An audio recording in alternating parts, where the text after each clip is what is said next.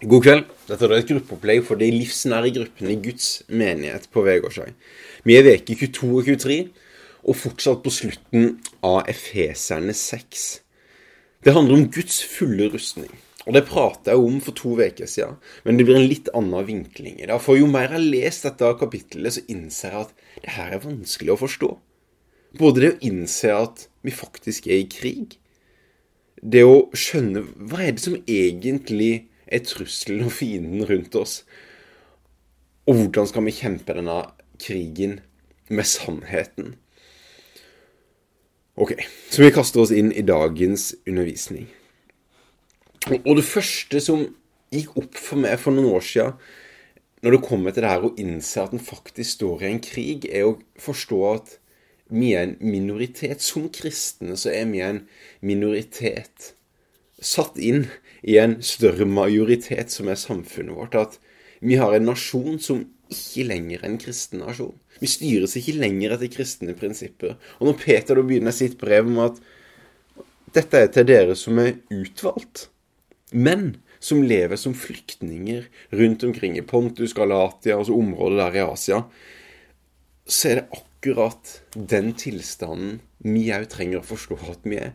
Vi er pilegrimer eller flyktninger eller ambassadører for et annet rike med statsborgere av Guds rike satt inn i denne verden for å være med å påvirke, og ikke bare bli påvirka. Forskningsinstituttet Barna Group presenterte i 2021 at nå er USA blitt et digitalt Babylon. Med Babylon så mener de altså en, en sekulær stat som er med på å påvirke. Og på 70-tallet så måtte du kanskje reise til de der sekulære store byene, eller gå på det riktige universitetet, eller oppsøke feil miljøer, for at du skulle virkelig skjønne at de kristne verdiene virka mista fotfeste. Mens nå handler det egentlig bare om å ha en smarttelefon. Så får du mulighet til å bli påvirka av akkurat de samme kreftene, samtidig som alle andre med et enormt slagfelt. Når man står og ser at unge mennesker har skjermtid på mellom to og åtte timer til dagen, så er det ganske inngripende. Og når du innser at vi er en minoritet, så er det faktisk det naturlige at en etter hvert begynner å tenke at ah, det er kanskje galskap for meg å mene det jeg mener. Ingen andre tror på det. Eller jeg tror på det jeg tror på, eller at jeg faktisk sier det jeg sier, er det kanskje utdatert? da? Hallo, vi er jo i 2022. Det vil være den naturlige utviklingen. Og sakte, men sikkert så vil vi assimileres inn i kulturen. Eller så må vi begynne å stå opp og ta kampen for verdiene våre. For det er jo ikke sånn at majoriteten alltid har hatt rett. Når normalen i USA på, på 20- og 30-tallet var segregering av svarte, så trengte de en Rosa Park og Martin Luther King for å bryte løgnen om hvitt overvelde. Eller når Europas mest utdanna og progressive land utrydda seks millioner jøder i løpet av en tiårsperiode, så var det bare en liten minoritet i det landet som sto opp mot en krig, mot en idealisme, idealisme som de ikke mente var sunn. Og når et land fortsatt støtte i befolkningen sin. Å gå i krig, sånn som Putin gjør i Russland nå. Der det er historie og nasjonalisme som er begrunnelsen for det. Så er det jo lett for oss å sitte tilbake og tenke at ja, men de er jo idioter. De er jo vokst opp på løgner. Vi er altfor godt utdanna. Vi, vi har jo et nøytralt medie, eller Vi er jo individualister i Norge. Vi gjør jo aldri noe av alle andre gjør det. Og det er så lett å tenke at denne sørstatsfamilien, eller denne tyske overklassefamilien på 30-tallet, de var jo underutvikla, litt tilbakestående kanskje, litt annerledes. Eller snakker vi 400 år tilbake, så er det jo en del skolebøker til våre små barn som nesten presenterer Europa på apestadiet.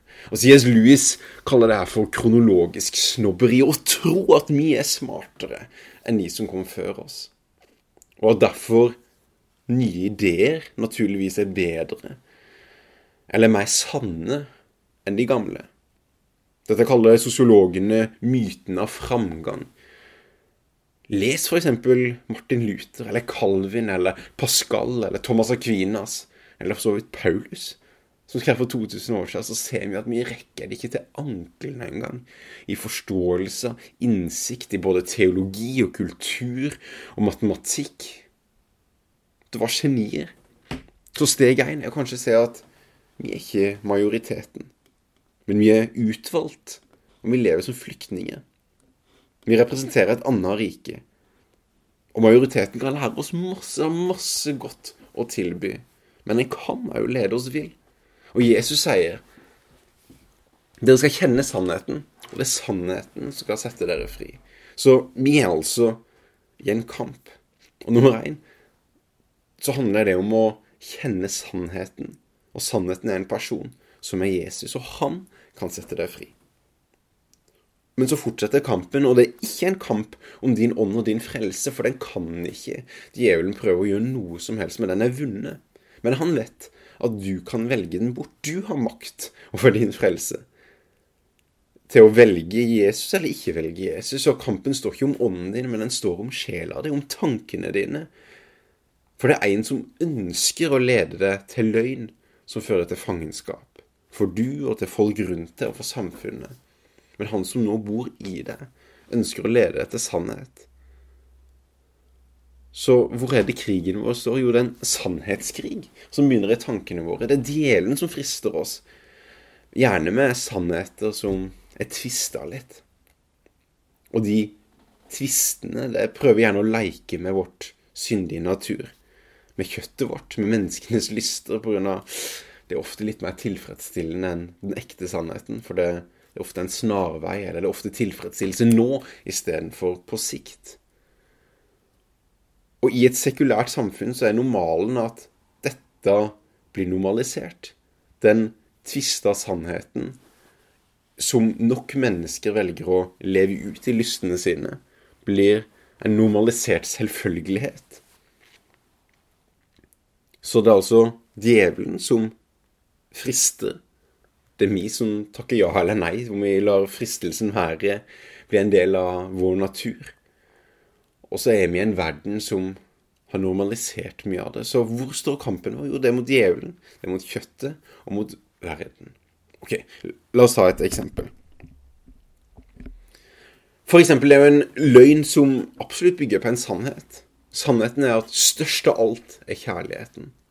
Og hvis du da elsker noen av det samme kjønnet, eller noen som kanskje ikke er ektefellen din, så er jo det, ikke det bare veldig flott? Det er jo godt, og det er jo kjærlig. Det er kjærligheten som vinner. Og kjøttet det er lett med på den tanken her. For det er kortvarig tilfredsstillelse. Det er følelser framfor regler. Og på sikt så har vi nå blitt en del av en verden som har snudd trofasthet på hodet. Fra 70-tallet til i dag så er så helt andre familiestrukturer blitt normalisert. Og det å tenke annerledes vil med en gang få deg til å tenke ja, kanskje jeg er litt gammeldags. Kanskje mine ideer er utdatert. Kanskje det er litt underutvikla, faktisk. Det som ble tenkt for 30 år siden om at det å holde seg til én person for resten av livet er Guds tanke. Kan det virkelig være sånn? Og dette skjer rundt oss i rekordfart på så mange områder. Og vi trenger å identifisere først og fremst løgnen. Og så må vi kjenne, skjønne at det her er noe kjøttet vårt kanskje ønsker. Men vi trenger å vinne over det med sannheten. Så sannheten skal få lov til å bo i oss. Og så trenger vi da å se at om verden rundt oss har normalisert det, så vi skjønner at vi er borgere av et annet rike. Vi representerer en annen konge. Derfor trenger vi å ta på Guds fulle rustning. Være annerledes. Vi er utvalgt og elska. Men vi har jo blitt lovt å bli utstøtt og forfulgt. Så det fins kanskje bare en virkelig motgift mot løgn. Og det blir bedre kjent med sannheten. Og sannheten er en person, og det er Jesus. Og han vil lære deg sannheten, og sannheten vil setter deg fri. Så først trenger vi å innse at om det ser fredfullt ut, så er vi kanskje i en krig. Vi trenger å identifisere hva som er fienden, og så trenger vi å gripe sannheten. Og kanskje i gruppa i kveld så kan dere prate litt om hvilke løgner er det egentlig vi kanskje har normalisert?